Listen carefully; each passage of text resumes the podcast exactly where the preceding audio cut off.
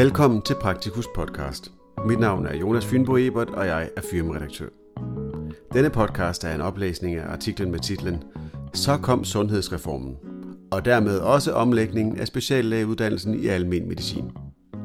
Artiklen er skrevet af Daniel Ståhl Nybo, medlem af Fyrum og videreuddannelsesudvalget og kursusudvalget, og af Thomas Purup, som er formand for Fyrum. Artiklen kan læses i Praktikus nummer 261, der udkommer i september 2022. Artiklens tekst starter her. Fredag den 20. maj præsenterede sundhedsminister Magnus Heunicke Folketingets nye sundhedsreform. Reformen er længe ventet og har det formål at få flere læger til patienterne og at få behandlingerne tættere på patienternes hjem, også kaldet det nære sundhedsvæsen. For primærsektoren er det især målet om fast læge til alle, som står centralt. Aftalen er indgået mellem regeringen og størstedelen af Folketingets partier og omhandler blandt andet oprettelse af 25 nærhospitaler, en ny praksispligt til uddannelseslæger i almen medicin, flere speciallæger i almen medicin, mere ansvar til apotekerne, flere kommunale forebyggende tiltag og tilbud til kronikerne, bedre adgang til hjemmediagnostik og behandling, mere lighed i sundhedsvæsenet og styrkelse af de akutte udkørende funktioner. Rent økonomisk er partierne enige om at afsætte i alt 1,3 milliarder i 2022 til 2025 og herefter 387 millioner kroner årligt til løftet. Derudover er de enige om at afsætte en pulje på 4 milliarder kroner i 2023 til 2028 til nærhospitalerne.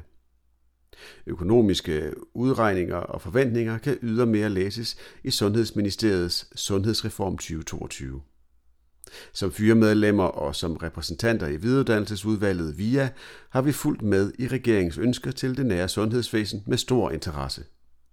Siden deres reformudspil i 2021 med tilhørende debatter blandt andet om alkohol og tobakforbud, har det været interessant at følge det politiske spil, der nu har ledt til konkretiseret dokument med relevante tiltag.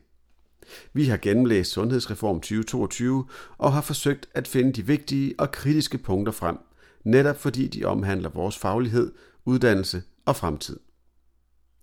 Sundhedsreform 2022 Samlet set er der flere punkter i reformen, som kræver flere udvalg og analyser, før tiltagene kan effektueres. Blandt andet ønskes der specifikt to større tiltag i de kommende år. Reformen ønsker for det første en omlægning af enkelte kommunale opgaver, som skal over til de praktiserende læger, således at hænder og ressourcer frigives til flere forebyggende kommunale tiltag og til flere relevante tilbud til patienter med kroniske sygdomme. Der bliver udpeget et udvalg, som skal foretage denne analyse og repræsentere tiltagene i 2023. Regeringen ønsker med reformen for det andet, at apotekerne skal kunne varetage nogle af de opgaver, lægerne sidder med blandt andet i form af ordinationsret på enkelte præparater. Lægeforeningen har tidligere været noget kritisk over for dette, da man så ændrer på ordinationsretten og i så fald fører den videre til det sælgende organ. Der er således en frygt for, at vi mister armslængdeprincippet.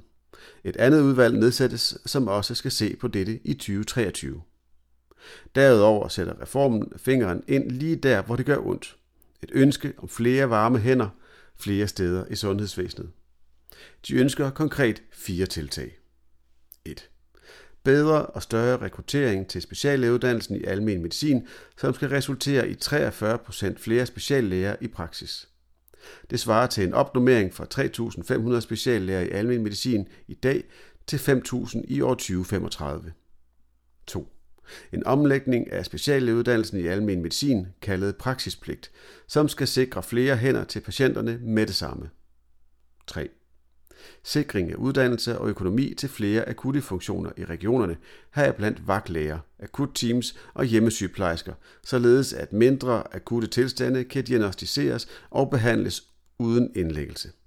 4. Bedre adgang til hjemmediagnostik og hjemmebehandling. En god nyhed til blandt andet FIERS, som står for Fonden for Innovation og Erhvervssamarbejde, i Region Sjælland, og DTU Science Park i Region H, som netop arbejder med dette.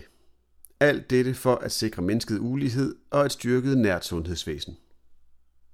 Praksispligten. Mest relevant for os uddannelseslæger er formentlig tiltaget om praksispligt.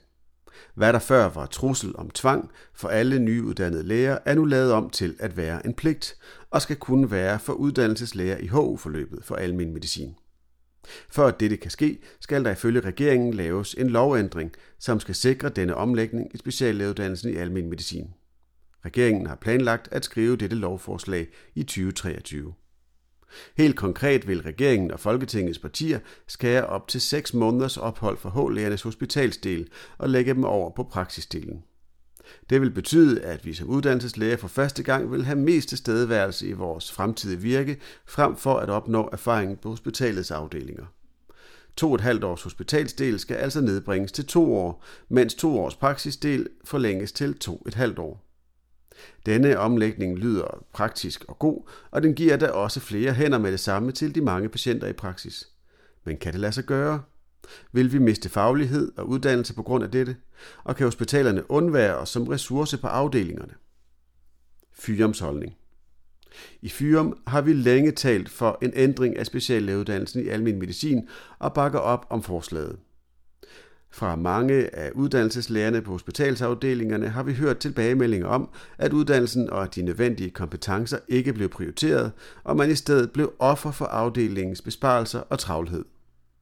Omstruktureringen er derfor en kærkommen mulighed for at rydde op og stille skarpt på kompetencerne og de læringsmål, som vi skal opnå på sygehusdelen, for at være klædt bedst muligt på til rollen som speciallæge i almen medicin. Selvom regeringsudspillet forekommer nyt, har DSM dog præsenteret forslaget fra Sundhedsstyrelsen for godt et årti siden. Dengang var der opbakning til ideen, men man manglede omkring 100-200 millioner, som svarer til den lønsum, lægerne oppebærer ved at arbejde 6 måneder på hospitalet. Men ved regeringens opbakning til omstruktureringen bliver forslaget nu en realitet. VIA har holdt mange møder om, hvordan denne omlægning kan ske som en positiv udvikling af uddannelsen. Vi har talt imod, at der politisk har været talt om 6 måneders tvang i almen praksis for alle nyuddannede læger, men med udsigten til, at det alene er uddannelseslæger i hovedforløbet af speciallægeuddannelsen i almen medicin, der vil blive omlagt, er vi trygge, og det vil vi gerne bakke op om. Det er jo læger, som har valgt, at de gerne vil ud i almen praksis. Derfor kan det også synes underligt at kalde det en praksispligt. Vi er bevidste om, at landets fem regioner har hver deres speciallægeuddannelse i almen medicin, og at der er væsentlige forskelle i regionernes uddannelsesplaner. Forskellene ligger blandt andet i varigheden af de forskellige hospitalsophold og hvilke afdelinger, der er med i uddannelsen. I nogle regioner har opholdet på både intern medicin og gynækologi flere måneders forskel i længden. Flere regioner har succes med vagtfri ophold på enkelte afdelinger. Enkelte regioner har valgt ophold på akutafdelinger frem for kirurgiske afdelinger. Og nogle regioner har forsøgt sammen med f.eks. ophold på reumatologiske afdeling. Samlet set er der så stor differens mellem regionernes uddannelsesprogrammer, at der formentlig bliver svært at lave en omlægning, som vil kunne passe ind i alle regioners programmer på én gang. Vores ønske til praksispligten. Fyram og VIA har længe diskuteret, hvordan denne omlægning vil være bedst for alle parter. Vi er blevet enige om, at de regionale forskelle er for store til at lave en samlet ændring. Men vi er også enige om, at grundene til de store forskelle Ønsket om at skille sig ud og lave de bedste almenmedicinere, skal respekteres og så vidt muligt fastholdes. Det kan gøres ved at afkorte de hospitalsophold, hvor der normalt er god tid til at forlære uddannelseslægerne de relevante kompetencer. Det kan man gøre ved at lytte til de forskellige regioners erfaringer med blandt andet vagtfri ophold, hvor H-lægerne er udtaget fra normal vagtplan for at arbejde på ambulatorierne og som en ekstra ressource til afdelingerne, så der er fokus på de kompetencer, vi skal have med ud på den anden side af hospitalsopholdet. Netop hvordan vi opdager de akutte og farlige tilstande, og ellers behandler så mange som muligt i vores praksis, så vi undgår unødvendige indlæggelser. Vores ønske er, at man enten forlænger fase 1 eller fase 2 opholdet i praksis med 6 måneder. De 6 måneder kan findes ved at sætte 12 måneder af til hospitalsophold i akutmedicin, kirurgi og intern medicin, og afsætte 12 måneder til pædiatri, gynækologi og psykiatri. Hvordan man sammensætter de 12 måneders ophold, er så op til regionerne ud fra deres egne erfaringer og ønsker. Dertil har vi i Fyrum et ønske om at få indlagt et 1-2 måneders valgfrit ophold Et nyt tiltag, som kan sikre, at dem, som enten har en særlig interesse eller føler, at de går glip af viden fra andre specialer, kan inkorporeres i en specialdesignet individuel uddannelsesplan for den enkelte uddannelseslæge. Dette kunne lægges enten i første eller andet 12 måneders ophold på hospitalet. Omlægningen af hoveduddannelsen skal først og fremmest medføre et kvalitetsløft. Mange er bange for, om de når at få kompetencerne på et afkortet hospitalsophold. Derfor er det vigtigt, at vi både sikrer bedre læring i tiden på hospitalet og skærper læringsmålene i vores tid i almen praksis. På den måde er vi helt overbevist om, at vi får endnu dygtigere praktiserende læger af at være i almen praksis i længere tid end nu til fordel for at fjerne spildtid på hospitalsafdelingerne. Det er vigtigt, at de nyeste kompetencekort og kvalifikationskort i speciallægeuddannelsen kan blive direkte overført til den nye strukturelle omlægning uden øget tidspres for hverken uddannelseslæge eller hospitalsafdeling.